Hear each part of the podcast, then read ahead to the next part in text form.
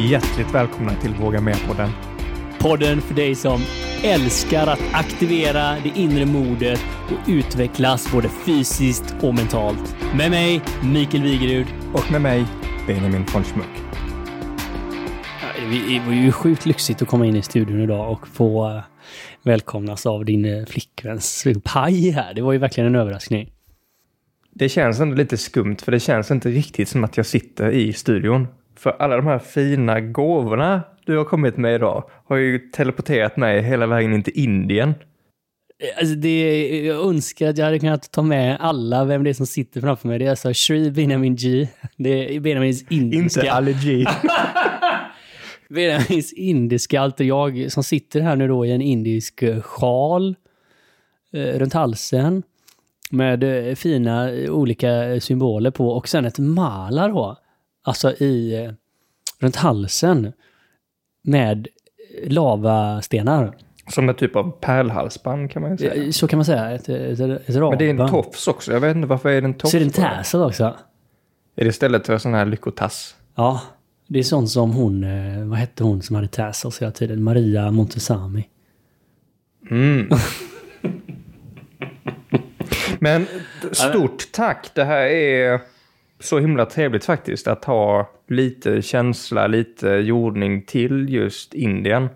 Det är något speciellt med det där. Ja, alltså du bär ju upp det på ett sätt så jag tror att du har liksom levt i Indien och du bär ju upp de här indiska yogabyxorna på ett sätt som är svårt i Göteborg. Och helt ovetande så kom det med perfekt timing för senaste månaderna och veckorna har bara gått som tåget. Händer väldigt mycket i livet och vad man ibland behöver är en liten, liten microbreak och det här kommer jag använda vid en sådan microbreak. Men det är fint att du säger det också för att det är ju lite det som Indien har varit för mig också. Det har ju varit eh, kanske makrobreak, men eh, det har ju varit ett sätt att eh, steppa ut och tydligt eh, bryta mönster i mitt liv.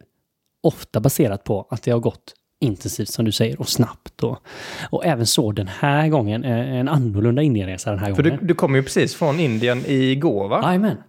Så efter två och en halv vecka eh, på plats så landade jag igår på Landvetter till helt magiskt Göteborg. Det var ju kritvitt och fullt av snö och jag bara tittade upp mot himlen och tänkte så här, alltså, tack universum, det hade inte kunnat designas finare för att komma hem.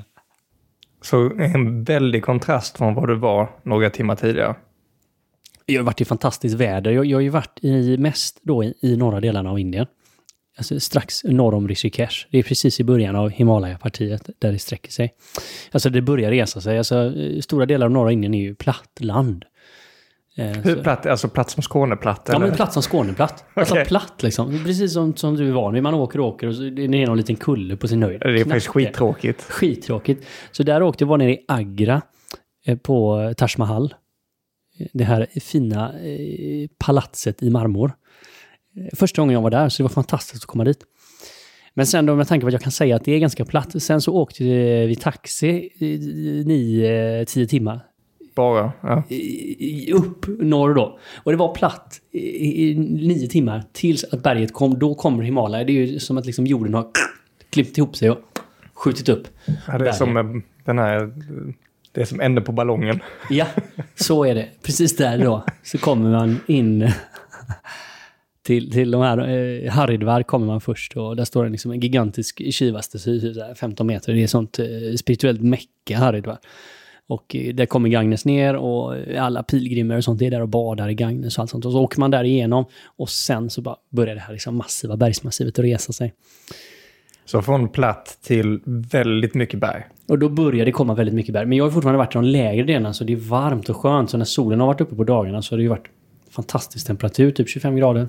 Mm. Lite skillnad landa på Landvetter då? Ingen vind och sen ganska tidigt då så går solen ner så blir det lite svalt så. Men, men jag misstänker att det här är inte en typisk resa med eh, många cocktails och lite långa promenader och sådär, utan vad, vad har varit syftet? Ja, det här var ju en pionjärsresa i många fall. Jag har ju åkt mycket till Indien för min egna utveckling primärt. Eh, och eh, för mina egna äventyr så att säga. Men den här gången så hade jag med mig eh, också, det var ett ledarskapsprogram som pågick i Indien. Så jag hade med mig ledare från Sverige som skulle utveckla sig i agilt ledarskap. Och vi hade två veckors program. Där vi också var med på en yogafestival där nere som en del av den här utbildningen. Så vi var på Sattva Summit. Eh, och, och där var jag då och Volition med och hade några workshops. Och Sattva är då ett av världens mest kända kan man säga. Ja, ja, då, ja men det, det, är en, eh, det, det, det är en eh, riktigt bra yogaskola. Eh, kan man säga. Och, och det här var folk från hela världen som kom för att vara med på detta då.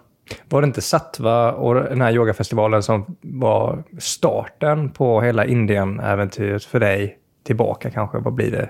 Sex år nu eller något sånt? Ja, nästan. Då var jag på International Yoga Festival. Okej, okay, förlåt. Många festivaler med yoga.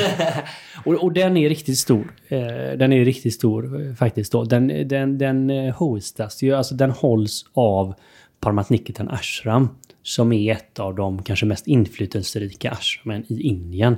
Som har nära samarbete med Modi, med, med, president, med Prime Ministern på vilket sätt då? Alltså finansiellt samarbete eller? Ja, men politiska intressesamarbeten skulle jag säga också. Man gör ju från det här arrangemanget väldigt mycket stora initiativ. Man är involverad i miljöfrågor, man är mycket involverad, alltså man är med i FN i många vad är det, frågor. Vad är det man bidrar med? Är det typ en värdegrund eller? Man skulle kunna säga kanske ledarskap då? Ja, men, men mycket värdegrund tror jag är utbildning. Men de, de är i FN och sånt, de här ledarna färsar med sånt och kanske pratar om compassion eller inspirerar till ett annat ledarskap. Man pratar mycket om sustainability.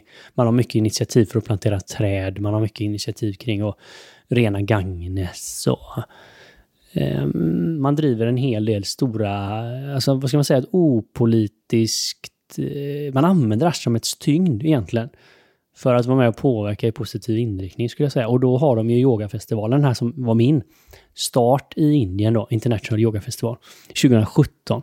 Där jag klev in i en helt ny värld. Men fascinerades ju av att då kom det ju yogalärare från hela världen. Alltså riktigt tunga namn, men det kom ju också forskare. Som typ Bruce Lipton var ju där som är en av de kändaste DNA-forskarna i världen. Var med och bidrog till som Bruce då, som forskare som är helt övertygad om att vi kan påverka mycket mer med våra tankar än vad vi tror. Där generna till och med troligtvis går att påverka då, enligt hans forskning. Så där parar man samman eh, över gränsöverskridande kompetenser med syftet då att utveckla människor.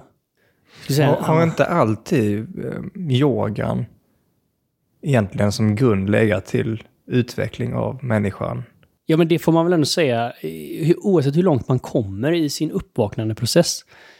Eh, som du säger, nirvana, samadhi, vilka ord du än använder på en, ett högre medvetandestadie. Så, så kan man ändå säga att det är att, att röra sig i den riktningen, att, att jag som individ utvecklas. Att jag utvecklar mig i en positiv riktning. Det är ju syftet med hela vetenskapen kring yoga till exempel. Om man inte har lyssnat på avsnitten eh, med din resa Mikael tidigare i podden och så börjar man höra, jaha okej, okay, en ledarskapsutbildning och yoga och så tänker man på de här kurserna som går på Sats där ja, man inser att man kanske inte är riktigt lika rörlig som man var en gång i tiden. Och så börjar man tänka, jaha, är det här träkramare och eh, stora ågis eller vad är det frågan om? Ja, men det är ju så jäkla roligt att du säger det, för det är fortfarande det som är den stora frågan. Och det Man, är det eller? Ja, ja, ja, ja, ja det, är, det är klart. Så kan vi få svar på det nu. men jag tänker så här. Alltså, vi, och det är därför du var så glad när du kom in genom dörren. Ja, det här dilemmat har jag ju levt med i hela mitt liv, höll jag på att säga. Men, men den här tudelade det har alltid funnits en del inom mig som har letat efter mer mening än det jag fått uttryck i, i det jag har gjort. Med hela eh, min frigörelseprocess och med yogan och, och hela mitt uppvaknande, om man säger så. Då har jag ju tagit in saker som jag ibland har varit jävligt rädd för att det här är sjukt flummigt. Alltså rädd för eh, hur det ska ses av andra, eller vad, vad ligger rädslan i? Ja, det är absolut en rädsla, men också tror jag innan jag visste att hur hänger de här delarna ihop liksom. Du säger trädkramare, varför står jag här och kramar ett träd? Liksom, hänger det ihop med, med ledarskapsutveckling? För ledarskap är någonting som hållit både dig och mig tillsammans väldigt många år. Egentligen ett av skälen till varför vi var intresserade av att starta podd där någon gång när jag var i USA och du var på väg till Indien. Jajamän, och jag skulle säga fortfarande en, en kärna i Våga Mera-podden.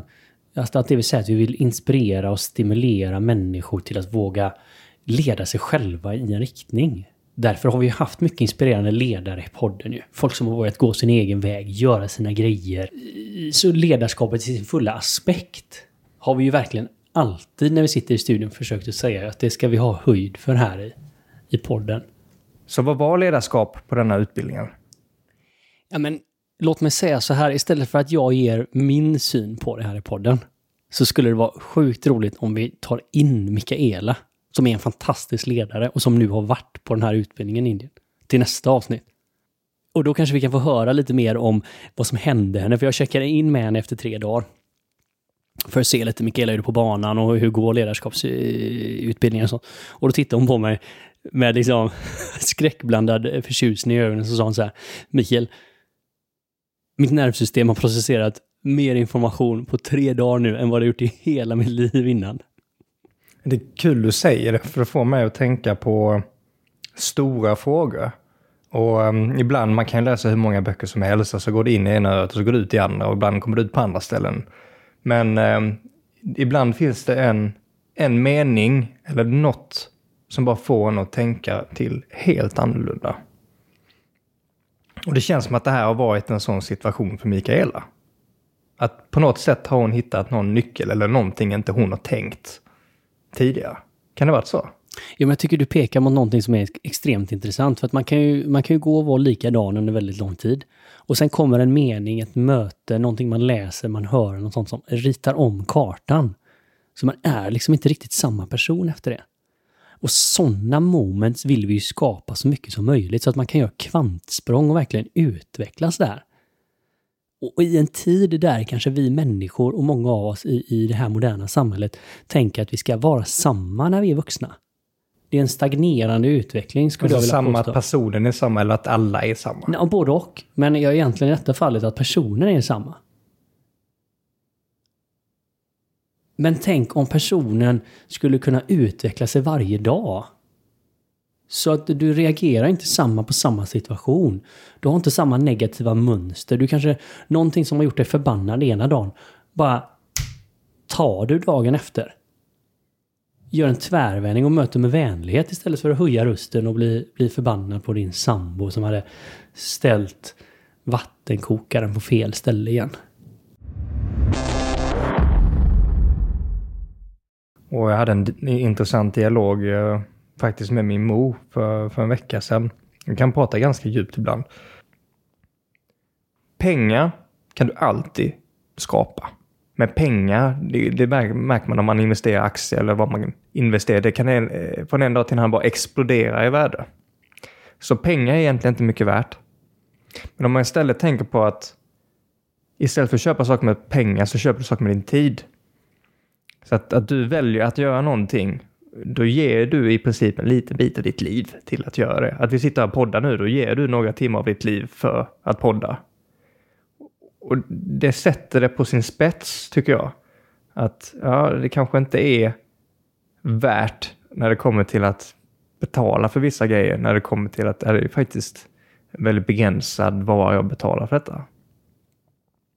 Men det får ju en helt annan innebörd när du säger det så.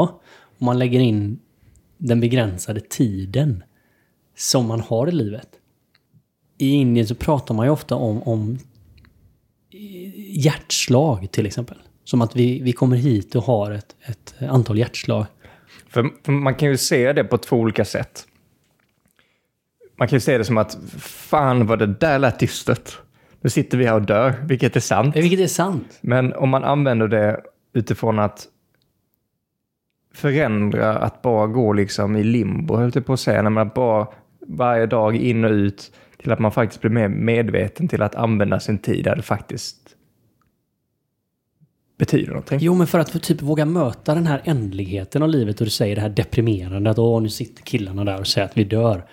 Ja, det gör vi också. Men det är ju också världens superkraft ju. Det är världens superkraft och jag tror vi är lite rädda för att ta in det. Alltså en del av meningslösheten som vi upplever idag i liven är ju för att vi inte vågar se i våran kropp hur ändliga vi är.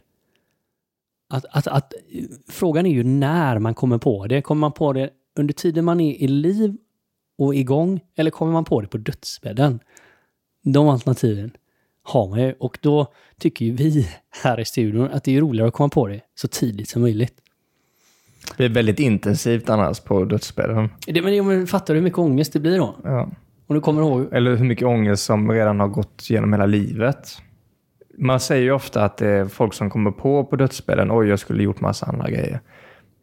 Jag tror att det är en sanning med modifikation. Jag tror att man, eh, man bär det med sig lite hela tiden. Om det är så att man kanske inte har vågat göra någonting eller vågat agera på sina drömmar. Men man har liksom låst det så långt in att man inte har öppnat upp det. Tills när man inte egentligen har något val. Ja. När man väl ligger där. Jag är helt övertygad, jag kan bara gå till mig själv, så, så har du rätt. Att det, det, det går inte att gömma de där äkta känslorna för sig själv. Man kan trycka undan dem rätt så bra. Man kan hålla sig väldigt sysselsatt med annat. Man kan jobba mycket, man kan festa mycket, man kan träna mycket, man kan äta mycket. Man kan relatera mycket, alla grejer man kan hitta på. Man kan shoppa mycket, you name it. Men när man är tyst med sig själv, nog tusan kommer det krypande då. Och hur ska man våga möta det? Ja, det hoppas jag kraft? kan få lite, lite, kan krama ur ur dig här nu. Ef- Så- ef- Efter den här, eh, nu har du kommit hem efter två och en halv vecka, landar på Landvetter och du är så berikad av så här mycket nya intryck och ljud och eh, varmt väder och bara bergen i sig. Ja, men alltså typ Indien är så jäkla färgstarkt. Alltså om man bara skiter i all eh, spirituell höjd som det har, all visdom som finns där och, och allt annat. Om man bara tittar på intensiteten, det är så jäkla levande. Och det var så roligt nu och vi, vi ska ju få prata mycket om detta, men vi kommer ut, det är ganska tidigt, vi kommer ut på flygplatsen i Delhi. Vi kommer ut på motorvägen då, den är extremt bred i början. Jag tror det är 20 filer eller någonting, minst, där i början. Och så ser jag hennes blick, hon tittar ut där. Och det är liksom i ett ögonblicksbild på den här motorvägen så kan man se allt. Det är liksom traktorer som kör mot riktningen. Det är ett gäng med kor som står och chillar i tre av filerna. Det är någon som håller på att försöka få en cykel leda här över. Det är någon som kommer med en vagn liksom med popcorn som ska någonstans. Detta är första gången hon ser detta. Ja, ja. Och vilken lyx du har liksom att vara där i det momentet. Och det är så fräckt för mig. Du vet, för att man har gjort någonting många gånger så blir man ju, är det lätt att bli lite avtrubbad. Ja, lite blind ja. Ja, exakt. Men att få se med förstagångsögon och se liksom så här, okej, det här är riktigt sjukt. Och höra hennes ord på det här, jag bara så här, åh, herrejävlar, man måste ju måla livet med indiska färger. Alltså det är så färgstarkt. Det kommer man hit till Sverige, ut, alla går i grått, alla går i svart, det händer ingenting. Och i Indien var så här, hon sa efter ett tag så här, bara, men fan Mikael, jag har inga samma kläder, finns det olika färger till alla de här 1,3 miljarder människorna? Ja, men det som man tar för givet här hemma och det som är jante och normen, det är ju liksom, det sätts ju på sin spets där borta ju. Och där tror jag, vi har ju båda länderna mycket att lära av varandra. Alltså Sverige är fantastiskt och jag har haft så fina samtal om Sverige. Jag pratade med Gurmuk som är en av världens eh, främsta kundalini-yoga-lärare. Och hon sa så här, "Ja, men jag älskar Sverige. Jag har varit mycket i Sverige och jag har haft utbildningar i Stockholm och Göteborg och Malmö. Samhället som man har byggt upp i, i Sverige är fantastiskt och utbildningssystemet är outstanding. Men the spirit saknas. Och jag tror det hänger ihop det här lite med våra mening och det vi gör. Så sa så här, det var en svensk som sa till mig att ja, nej men du har rätt i det Gurmuk, det är inte så mycket eh, spirit längre. Vi har inga kyrkor och sånt längre, men vi har ju Ikea.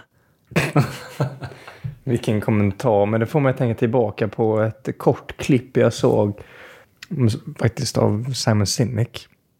Man kan tycka vad man vill om honom, men här körde han det sport on och då pratar han om olika generationer. Och han jämför, han jämför baby boomers med generation Z. Så sa han det liksom, men eh, man behöver inte spola tillbaka bandet långt för att säga att folk gick till ett arbete för att få pengar till sin familj. Och sen gick de till kyrkan för att få mening. Och sen så gick de till bowlinghallen och bowlade några gånger i veckan med sina polare för att få eh, gemenskap. Men spola fram bandet nu och vi har Google och de här bolagen, alla techbolag och alla startups där liksom helt plötsligt så har inte kyrkan samma tyngd. Man har kanske inte samma community med bowling eller squash eller vad det nu kan vara för någonting, utan allt det här läggs på bolaget istället.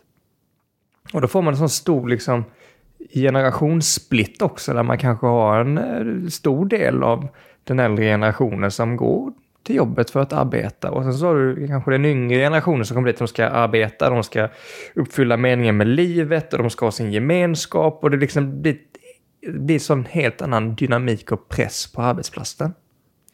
Och jag tror att det, det finns ingenting som är rätt eller fel, utan generationer kommer och generationer går. Så att vare sig man vill hänga med på detta tåget eller inte så händer det nu. Och det är antagligen därför mycket av bolagen blir mer politiska idag också. Ja, men och du är inne på det här som vi pratade om innan, att meningen, alltså att känna syfte eller mening. Precis som du säger, vad är det som har fyllt de här rollerna historiskt sett? Som du och Simon Sinek pratar mot här. Men också kanske vilka är det som ska fylla dem framåt? För jag tror alla som lyssnar på podden här nu, åtminstone många av oss, har eller har haft en meningskris. Oh ja. Garanterat. Om inte hela tiden, många gånger. Ja. Och det är därför det blir så intressant att lyfta detta just nu när du har kommit tillbaka från Indien och det här är så pass färskt för dig också. Jag kan även se mig själv då för några år sedan när jag var i, i mina stapplande steg, när jag var fullt in i karriären, körde järnet på SKF, körde järnet i alla delar av mitt liv, tryckte på så mycket jag kan. Och, och, och, bakom det så fanns väl en längtan efter att hitta mer mening och syfte. Men jag, hade liksom, jag letade på de ställena jag kunde bäst leta. Och, och med den modellen jag hade fått, liksom, antingen var det genom jobbet som du sa, att man fick jobba kollegor eller man blev befordrad eller fick mer ut där, eller så var det i, i vänskapen eller i idrotten eller kanske framförallt då om man hittar en fru så skulle man lösa meningen med livet. Det löser sig då. Men vad som är mer intressant är ju att höra nu hur du tänker runt det här. Ja. För nu var det ju så här då, en, en del som vi var där var ju alltså, som man säger då, living in dharma. Det var huvudsyftet på, på de här workshopsen som vi höll där nere och som var på yogafestivalen då, eller på summiten. Living in dharma, och vad är dharma? Och då kan man säga så här egentligen, för att göra det enkelt, det är att, att, att, att leva i mening och syfte. Okej. Okay. Och jag ska försöka förklara dharma lite djupare. Jag är helt övertygad om att några av er är välbekanta med begreppet och för någon annan så är det helt nytt. Och ja, jag sitter ju här som är ny till alltihopa. Men så att, eh, egentligen... Bear, bear with me allihopa. Har ni hört det så är det en bra repetition. Har ni inte hört det, då lär vi oss tillsammans. Men en modell egentligen för att, att röra sig i syfte, vad som är viktiga delar och vilken ordning man börjar då. Är det här någonting som jag som tycker om just att kunna visualisera någonting kan ta nytta av? Ja, det får vi se, men det tror jag i alla fall. Men det är, man kan säga så här, det är en triangel, alltså Dharma-triangeln. Eh, som bygger på tre stycken aspekter för att öka känslan av syfte och mening i livet. Alltså att, att röra sig i sin dharmiska riktning. Antingen karma eller dharma. Det är de två delarna då. Kan man säga att när vi rör oss i karmiska rörelser, då rör vi oss i nedåtgående spiraler, inte i utveckling. Det är därför man använder karma utifrån att, ja men lite grann så här, oh, där fick du karma. Lite så. I Karma är en bitch har vi ju haft en kär gäst som eh, var här och kallade sin bok och eh, det har han väl rätt i. Eh, även om det inte var det boken handlade om. Men okej, okay, så dharma, det är det vi fokuserar på. Ja, och då är det primära. Det är motsatsen till karma då. Exakt, och då är det primära där, alltså evolution of self, alltså utveckling av jaget som vi pratade om innan. Att utveckla sitt medvetande. Och det kan se lite annorlunda ut när vi pratar om mening och syfte som ofta är görande. Och det säger så här, inget annat kan komma ut och du kan inte komma vidare i Dharmatriangeln om du inte utvecklar dig själv. Så då betyder det egentligen så här, det som är mest intressant var du än börjar någonstans, det är att se hur kan jag utveckla mig själv? Hur kan jag bryta negativa mönster? Hur kan jag bli en bättre version av mig själv? Hur kan jag öka mitt medvetande? Vad har jag för verktyg, insikter, kunskaper som kan hjälpa till att göra detta i varje ögonblick? Men sätter detta en riktning då också för... Jag tänker ut, utveckla dig själv kan du göra på många sätt, men du kan ju också utveckla dig själv åt en riktning som när du har facit i hand inse att det här var ju helt tokigt. Ja, för det här är du helt inne på rätt spår. För det här blir ju också lite av en kompassriktning. För att alla tror jag vet det att när man har, när man har utvecklat sig själv och man står på en plats, man tar tre steg framåt, står på en annan plats. Då brukar utsikten bli annorlunda. Och med stor sannolikhet så kommer du kanske inte göra samma val från den nya platsen, alltså den nya personen som du är, som du hade gjort från den gamla platsen om du på riktigt förändrar dig så kommer din värld vara annorlunda och du tar annorlunda beslut från den positionen. Så redan här så börjar du att röra dig i en ny riktning i ditt görande, precis som du säger också. Kanske vad du vill göra eller vad du ska inte göra eller så. Men när man kommer in på den andra aspekten då. Om man nu jobbar med den här första aspekten. Den andra aspekten, den är alltså ögonblick till ögonblicksdarma. Och då betyder det så här, vad önskas av mig i den här stunden? I varje ögonblick där vi befinner oss finns det något behov som vi kan uppfylla. Alltså moment to moment dharma. Och hur kan vi uppfylla det på det mest eleganta och finaste sättet? Blir den frågan. Det är väldigt mycket av att vara i service. Men service för sig själv, eller för omgivning, eller för the greater ja, alltså, everyone? Vad omgivningen i det forumet, i den stunden. Om du, du är på ett möte på jobbet, vad förväntas av dig av det i det mötet i den stunden? Hur kan du uppfylla det på det finaste sättet? Om du tar, man tar ut sig själv för några sekunder lite grann, sätter in sig i stunden eller i rummet och ser hur kan jag uppfylla det här på allra bästa sätt. Jag står vid ett övergångsställe och det är en gammal tant som ska gå över vägen.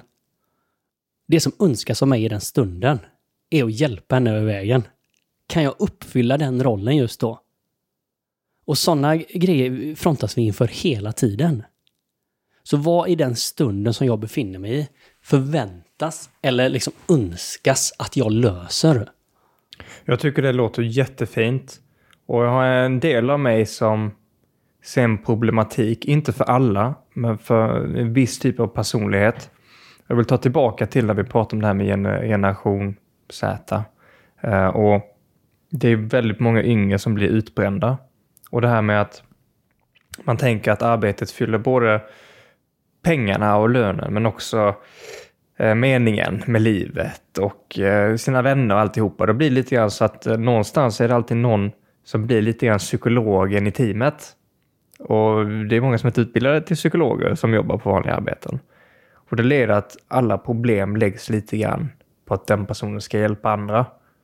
Och varför jag nämner detta nu är att för vad jag tänker på den här ögonblicksdarman, att man ska se omgivningen, man ska se vad jag kan göra i den här situationen. Alltså vad förväntas av mig i stunden? Hur kan man tänka det så att man inte helt plötsligt blir någon som absorberar allt annat för alla andra?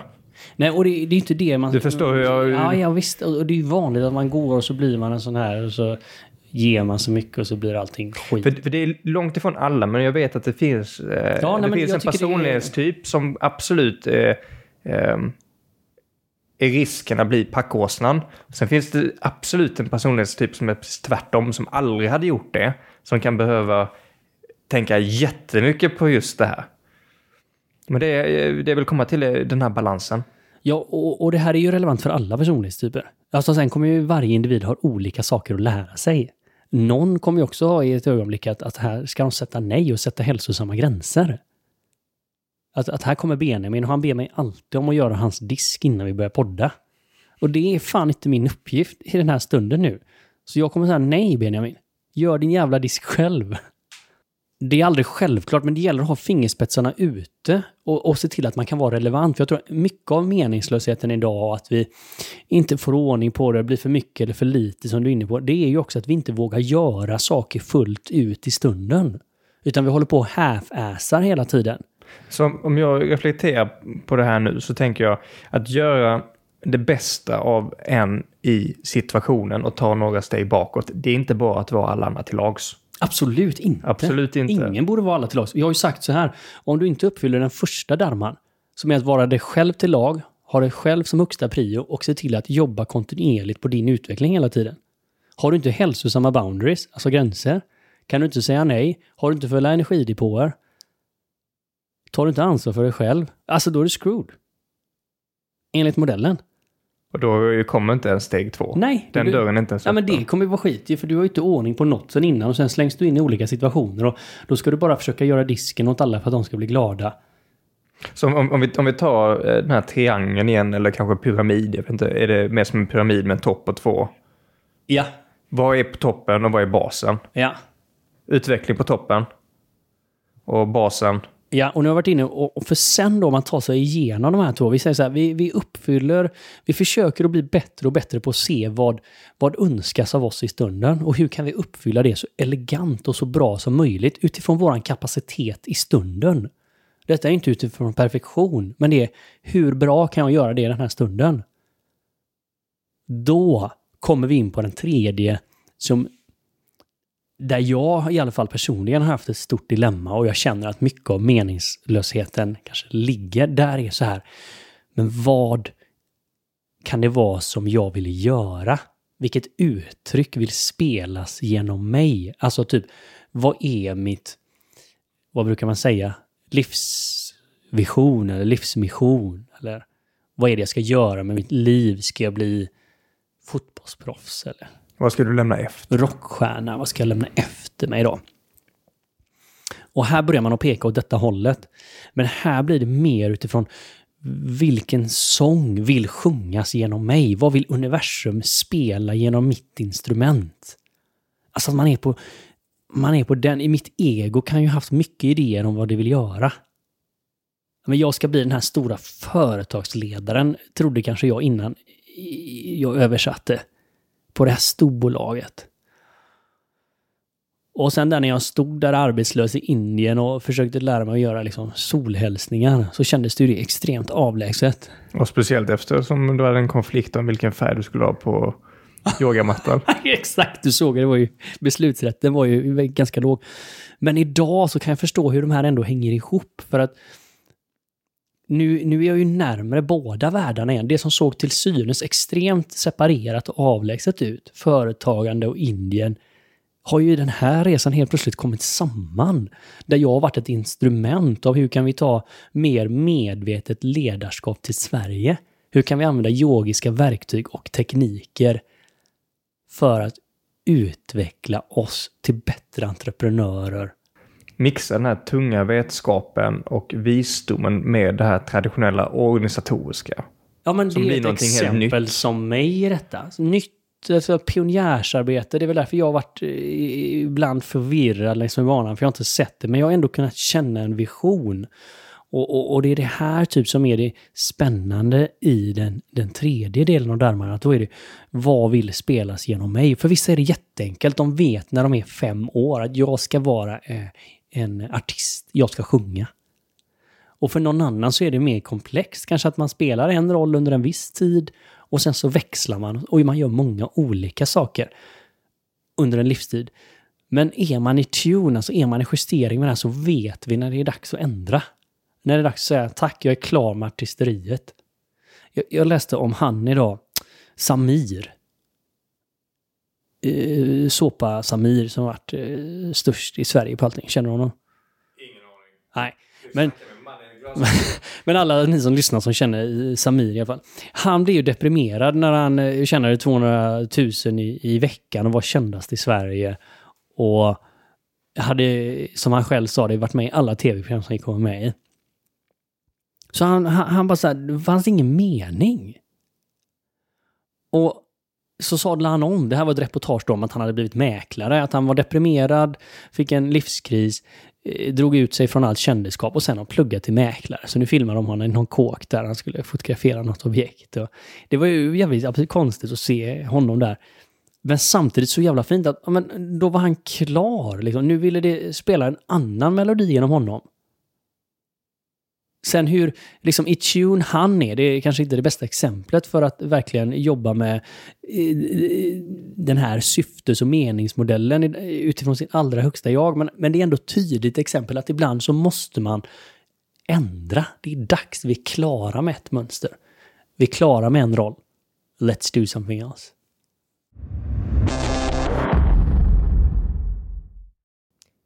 Jag tycker det är väldigt intressant och ehm, lyssna på de bitar du beskriver här. Eh, triangeln med Durma, utvecklingen av dig själv, hur du tar ner det till andra steget, just nu in this moment. Hur kan du vara optimal då utifrån situationen? Och sen att få in de stora frågorna till vad man vill bli när man blir stor. Jag har ju tänkt en del på detta och kanske kikat på det på ett annat sätt. Inte kanske, jag har kikat på det på ett annat sätt. Vad jag kokar ner det till, det är risken med att sätta upp ett mål. Alltså risken att ha, att når jag, når jag det här, den här lönen, eller når jag den här positionen, eller det här bolaget, då, då är jag klar. Då har jag lyckats. Till att istället få ner det till processen. Att eh, vägen dit är det som är kul. Och så länge vägen inte är kul, då gör man någonting helt tokigt. Ett exempel som jag kör för mig själv ibland för att tuna in om man säger så på om man gör rätt grej. Det, det finns den här gamla filmen Klick. Med eh, eh, där han har en tv-kontroll och när han trycker på fast forward så liksom snabbspolar han i sitt liv. Så han spolar bort massa grejer och gör bara det som är kul. Och sen eh, kommer han fram till oj, jag har missat massa delar av livet som jag inte hade velat missa. Men samma princip kan man applicera tycker jag på vardagen men också på större block av, av sitt liv eller på året. Och tänka så här, men det jag gör nu, gör jag det bara för att komma till resultatet? Går jag till jobbet nu bara för att jag ska få en fet lön i slutet på månaden? Eller finns det andra delar som berikar mig? Finns det möjligheter för mig att utvecklas, lära mig någonting nytt, skapa nya relationer? Och bara tänka så, gör jag det här, gör jag avsnittet här nu med dig, Mikael, bara för att kunna publicera det så att vi får massa nya trevliga lyssnare? Självklart inte. Nej, men det är inte så självklart, eh, tycker jag. Det är väl eh, väldigt många av oss som har varit eller är eh, väldigt målfokuserade och resultatfokuserade. Klyschan som resan är målet. Alltså hur kan jag ha så kul hela tiden? Alltså det blir en indikator. givetvis i det här också. Men jag tror man lägger på den här dimensionen av att känna djup mening. Alltså kul är en jättebra guidning i detta men, men det betyder också om man, man utvecklar sig, alltså kanske i början i ett omedvetet stadie så är kul saker inte alltid det som är bra eller som faktiskt tar en i en positiv riktning. Alltså den, den har ju en instant gratification det, kan man ju säga. Det, det, kan ju vara så att, att, eh, allt inte är bra där, men känn ändå att, att alltså jag skulle ändå säga så här, för de flesta idag så är det bra att välja saker som man tycker är kul. Det kommer guida en väldigt positivt framåt. Men om vi bara leker med tanken här också, när man får börja känna att man gör någonting meningsfullt. Om det är att plantera jordgubbsplanter eller gräva i jorden eller elektrifiera fordonsflottan eller bygga den nya mjukvaran som ska skicka SpaceX-raketer till eh, Mars. Alltså det är lika individuellt som alla liksom löv i skogen. Men, men när man tittar från Darmentriangeln så vi alla har ju någonting som vill spela genom oss. Och den enda som kan veta om det, det är ju du själv i djupet av dig själv, hur den här melodin ska spelas. Att hitta liksom, inte bara att man vet att man är på väg åt en riktning, men att hitta rätt riktning. Där har jag personligen känt eh, ofta att jag tvekar, eller att jag funderar på, är det här den riktningen? Och jag är ju ganska så duktig på att fantisera ihop nya scenarion eller övertyga mig själv att ah, men det är nog väldigt bra det här. Jag utvecklas åt det här och det här hållet. Och... Men att, att förstå när jag ljuger för mig själv, det är Ja. inte alltid helt lätt. Det är mycket lättare i efterhand när man kommer fram till att oj, det där var ju dumt. Det...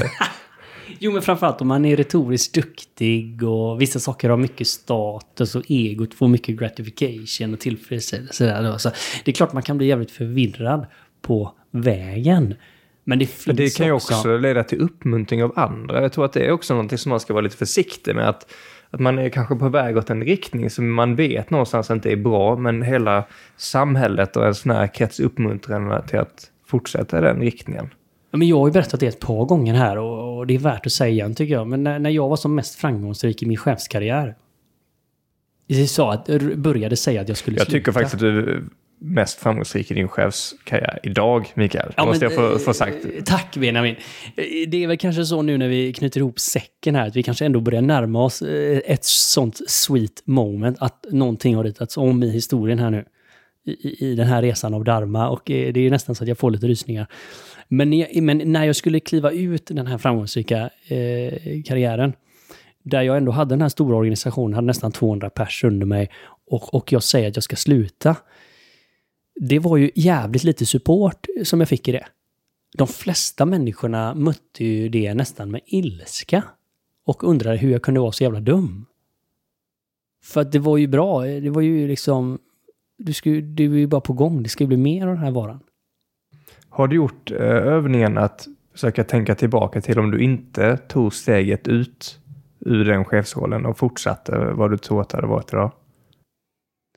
Jo, men det, det är en eh, lockande övning. Men det blir typ... Alltså jag, jag gjorde den lite grann i Indien och, eh, och jag satt där nere och så hade jag ett samtal med en, eh, med en annan lärare efter de här workshopen och så tänkte jag, vem hade jag varit om jag inte hade tagit de avgörande stegen? Alltså, den resan, alltså det som är så fräckt i, i, i när man öppnar upp för den här sången att spela igenom eller att darmarna att röra sig, det är ju att den typ är ju så sjukt mycket bättre på att planera än vad jag kunde varit i min vildaste fantasi. Så istället för att du gör liksom mål, tioårsplan, steg 1, 2, 3, 4, 5. Alltså jag, jag skulle säga så här, det är absolut inte... Det, det är bra att ha stora mål. Har man känt en vision eller har man eh, känt någonting så är det väl jättebra att ankra in det. Men att inte bli låst. Jag tycker som Björn Nattiko, eh, han, han, han sa ju det så fint, liksom, att det var en lärare en gång när Björn var väldigt fokuserad och skulle planera mycket, så sa den här, tog den här eh, kvinnan honom till sidan och så sa Björn, det låter jättebra detta du säger och allting, men glöm inte att lämna lite utrymme för magin. Det ligger något i det där och det, det resonerar så bra med en bok som jag faktiskt fick låna av en kollega. Och hon sa, du måste läsa denna. För jag, eh, vi hade en konversation om karriärsväg för att ta tillbaka det till jobb. Eh, och eh, det är den här stora, ska man specialisera sig eller ska man vara generalist? Och jag är ju en generalist, så det heter duga. Jag är en generalist med möjligheten att gå in i väldigt tekniska dialoger. Så pratade jag om det och så sa han, men eh, jag har en bok som du måste läsa för att du, du, du kommer få upp hoppet lite grann. Och det som är så fint i den här boken, de uppmuntrar till att göra många olika grejer. De uppmuntrar till att vara generalist, men att man liksom går lite djupare in på olika områden som man är intresserad av. Och så är de, och de är väldigt tydliga med det att du kommer inte kunna planera allting. Det händer så mycket saker och du hoppar på saker allt eftersom. Och det är inte förrän du har kommit en bit på vägen, när du lägger pusslet baklänges, som du förstår allting du har testat i livet, hur det har kunnat ge möjligheter till där du är idag. Kanske det låter lite flummigt, Nej, jag men... tycker det eh, låter extremt konkret och, och helt eh, rätt också. Ibland, vissa måste vi ju testa oss fram, vi måste laborera, vi måste vara öppna. alltså innan. För när vi väl kopplar in på rätt, alltså så kommer vi få så mycket. Jag tror det är det här man underskattar. Om man ger lite utrymme för magin, testar och justerar in sig själv. När det väl är meningen att det ska hända så kommer vi få all support som behövs för att det som vill hända ska hända. Och det med magin, det får mig att tänka på eh, Steve Jobs som hade ett av sina sista stora tal till MIT. Där han eh, just berättar, för jag tänker magi och intresse, för mig ligger de väldigt nära och att han, han hoppar ju av, men han tog en massa kurser som han tyckte var intressanta. Och en av de kurserna han tog var en eh, kurs i typsnitt egentligen, eller hur man skriver, hur språket kan bli vackert på pappret. Och det var en av de bitarna som gjorde att Macintoshen, när den kom ut, hade så... Det, det var datorn som folk valde för att sitta och skriva. För att göra sådana typer av arbeten, skriva böcker. Och han sa det, han hade aldrig kunnat planerat just den kursen som han var intresserad av skulle kunna vara bidragande till så många generationer datorer efteråt. Nej, men här är ju en sån till synes meningslös handling. Förmodligen sa folk till honom, varför ska du läsa den här meningslösa kursen, Steve? Den tar dig inte framåt. Det är bättre att avsluta programmet här nu så att det blir något vettigt av det. Och nu, nu vet vi liksom resultatet. Och, och det är ju ett sånt moment till. Han hade ju en stark calling att han skulle åka till Indien, Steve Jobs. Så han var i de här regionerna där jag har varit nu.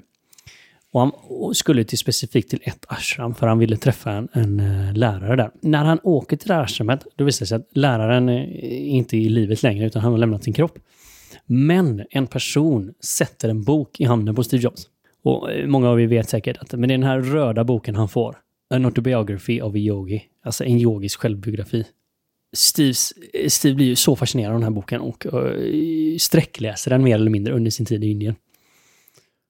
Och många säger ju idag att, att den här boken med stor sannolikhet är en nyckelfaktor till varför Apple blev som det blev. Och Steve läste den här boken varje år under hela sitt liv. Jag har stor, väldigt stor respekt för Steve Jobs. Jag tycker han är otroligt retoriskt begåvad. Han, han kan gå in och verkligen äga rummet. Samtidigt så är en del av mig i de här filmerna som han har gjort filmatiseringen efteråt, där han framstår som en total douche. Som får saker och ting att hända. Vad skulle vara din ställning till liksom hur, tror han är i linje med sin Duma Ja, men jag skulle säga delvis. Alltså, absolut har ju Steve Jobs lyckats och eh, justera in sig där det har funnits ett enormt flöde. Alltså och potential, en kreativitet. Alltså han, han, har ju ritat en, om. Hans energidepå var ju oändlig. Jo, men också hans insikter. Han har ju kunnat komma in till, som vi liksom gått, gått utifrån ett linjärt tänkande och sett bortom det. Han har ju fått insikter som för alltid har förändrat världen liksom, skulle vi säga utifrån en, en darmisk synvinkel. Den sången som ville spela genom honom lyckades han i vissa ögonblick översätta genialiskt vackert, alltså Mozart-toner. Det kan vi ändå säga när vi vet facit. Sen var han fulländad i resten av spektrat av sitt liv. Eller var sin familj och sin lite dotter. suboptimerad. Och det verkar väl att det finns lite beige eftersmak så på vissa sätt som du säger. Där, det hade, där han kanske har lite karmiska grejer han skulle kunna lära sig. Eller liksom spela det här bättre eller vara lite suboptimerad. Men det var ju också en tid han levde där stora företagsledare och, och sånt har varit väldigt suboptimerade. Konsekvensen av att vara en, en stor entreprenör eller ledare är att du knappt vet namnen på dina barn och eh, du tror att du är kung jämt och att du skulle göra andra delen av Dharma, att du skulle vara i service för andra vid något tillfälle. Det kanske är en utopi, för du är ju kungen här på täppan. Så där kan du bli lite avtrubbad från vad egentligen... Du kan ju vara en jättestor företagsledare och, och, alltid sitta och säga vad folk ska göra, men så kommer du in och så är det liksom människor du aldrig träffat och de är hungriga. Då kan du inte stå och profetera i strategi, då får du ge dem mat. Annars är det liksom från naturens perspektiv orelevant där. Ingen som vill ha 17 powerpoint och sånt om det är liksom uteliggare som är hungriga. Bjuckar dem på mat för fan och sitter och käkar med dem. Här målar du upp en bild tycker jag Mikael. Att eh, behöver inte vara det. Utan det är mindre om positionen, det yttre och mer om vägen. Och att man är nöjd i det också. Ja, men tänk om du kan vara nöjd varje steg hela tiden. Alltså det är en, för det är en fantastisk feedback-loop detta det är en sån jävla gratification. Du får tillbaka, precis som du säger, det är ju det här som är guidningen lite grann. Att när du börjar gå steg och du testar och så får du information till dig själv. Det är ingen som kan se från utsidan, det är ingen som kan veta, men du vet själv i din egna autenticitet hur du äger det. Och så börjar du iterera där, så börjar du liksom dansa med universum i den här dansen. Och det är bara, helt plötsligt kanske du har gjort en ny iPhone. Så från allt du har tagit med dig från Indien idag, hur kan man hitta dig då Mikael? Nej men eh, vi har varit inne på det, jag tycker vi kan summera det så egentligen. För det första är det ju en process. Ja. Men, men du måste vara ärlig mot dig själv. Du måste börja att titta på första delen. Är jag beredd att utveckla mig i den här stunden nu? Och framåt härifrån. Hur kan jag vara mer närvarande här? Hur kan jag lära mig någonting nytt? Hur kan jag vara en bättre människa här? Hur kan jag möta situationer på något sätt som jag inte gjort? Hur kan jag börja ta in mer medvetna verktyg i mitt liv? Om jag har några issues eller saker som jag måste ta tag i, om jag har för mycket stress omkring mig, om jag inte kan säga nej. Hur kan jag ändra det nu? Steg två. Vad förväntas av mig i den här stunden? Hur kan jag uppfylla det som ögonblicket, stunden, rummet behöver av mig? Ta bort, även om du ska göra de största versionerna, även om du ska bygga ett nytt Apple, så är det någonting som du måste göra nu. Hur kan jag göra det på det absolut elegant, elegantaste sättet? Det är en extremt mening i det görnet, att ge hela dig in till det du gör då. Om det är att ha en workshop om hur den nya platta skärmen ska se ut, eller om det är att svara på ett mail, eller om det är att såga ner ett träd i skogen, eller plantera en jordgubbsplanta, eller läm- hjälpa kärringen över vägen. You name it. Den fina tanten. Mm. Trean. Där kommer vi sen in då, vad är det för musik som vill spela genom mig? Vad är det jag ska bli när jag blir stor, som du sa så fint Benjamin? Vad är det jag ska göra? Jag Har jag fått en känsla av den här visionen någon gång kanske? Alltså ankra in i den stora och börja se vad är det jag gör idag? Vad är första steget mot den? Om jag ska bli en rockstjärna som spelar på de största scenerna i världen. Okej, men då kanske jag ska lära mig de här fyra nya ackorden idag då. Och börja våga, alltså varför skulle någonting inte vara möjligt? Alltså, grejen är ju så här då, att det som du bär inom dig, som du verkligen vill, det är ju det som är ledstjärnan och det är ju det som är så coolt, för då säger vi från det liksom yogiska perspektivet här att då är det ju meningen att det ska hända. Då kommer du få all uppbackning på vägen som du behöver. Kanske inte sagt att det kommer att vara enkelt varje dag, men du kommer att ha en sån övertygelse och mening och få en sån support. Så de resurserna du behöver, de människorna du behöver, det kommer att komma i de stunderna när det är dags. Och att ställa sig själv frågan, gör jag det här för status? Liksom recognition? Eller eh, vill jag bli rockstjärna för att jag älskar musik? Ja, det kommer du märka med tiden om det är ditt ego som guidar dig. Eller om det är en autentisk del inom dig. Det är en del av den första, när du hela tiden checkar in, när du hela tiden jobbar med dig själv. Har du gått i egots väg i tre år så kommer du märka det. Det kommer bli bäst eftersmak. Och då kommer du känna det här är jobbigt att ändra riktning nu. Men om jag tittar på mig ärligt så är det dags att styra om det här skeppet åt ett annat håll. Och inget, inget liksom eh, slag då, utan, eh, eller du vet, det är lätt att vara så jävla tuff mot sig själv och stå där med piskan då och piska på. Men det är ett fantastiskt ögonblick. Okej, men vi styr om lite grann här. Det var inte den här rockstjärnan, utan jag älskar ju att plantera träd. Jag tycker han är så jäkla cool. Eh, Carléns brorsa Hugo har ju varit i podden också. Han var ju framgångsrik chef och ingenjör och, och, och grym på storbolaget. Och nu är han trädbonde. Odlar träd. Vem fan kan komma på det? Jag, jag, jag är svårt att tro att han ens hade kunnat planera själv. Men han är ju grym nu. Planterar träd och odlar och säljer. Om man eh, vill läsa mer om eh, hur man själv kan hitta sin mening och eh, dumma. Alltså, nu har det ju varit en, en liten introduktion här till detta temat, men det är för att det är ju så centralt också i Våga Mera-podden. Det är ju verkligen lite essensen av podden. Att Det här är ju scratching the surface får man ju säga. Det här är ju, om man tittar på din resa Mikael, det här är ju kondenserat fem år och nu kondenserad för, mjölk. för, för, försmak eh, på på Men jag hoppas senaste ändå att trippen. man eh, kan ha fått känna lite av sötman av detta. För det är ju helt fantastiskt. Alltså det är overkligt vad, vad som Jo, men det, det, det är klart vi har gjort det. Men om man vill veta lite mer, är det någon bok du rekommenderar? Vi vet om att vi kan checka med på Volition. Ja, nej men more to come. Så kan vi väl säga. Man kan ju alltid använda Google och, och, och googla lite och sånt där. och Sånt, men jag tycker man kan lyssna på det här avsnittet igen. Faktiskt. Så kan man...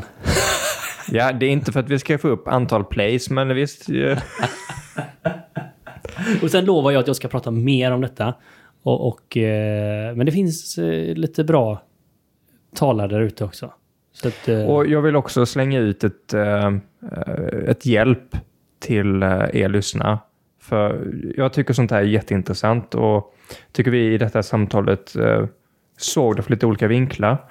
Men kom gärna med input till oss via Facebook eh, eller via de andra kanalerna med lite frågor. Vill ni se på det här från, på ett annat sätt eller tips eller har ni någon story så skicka in det till oss. Och kör ert race. Gå er egen väg. Var de grymma inspiratörerna som ni är. Så syns vi snart igen i lurarna.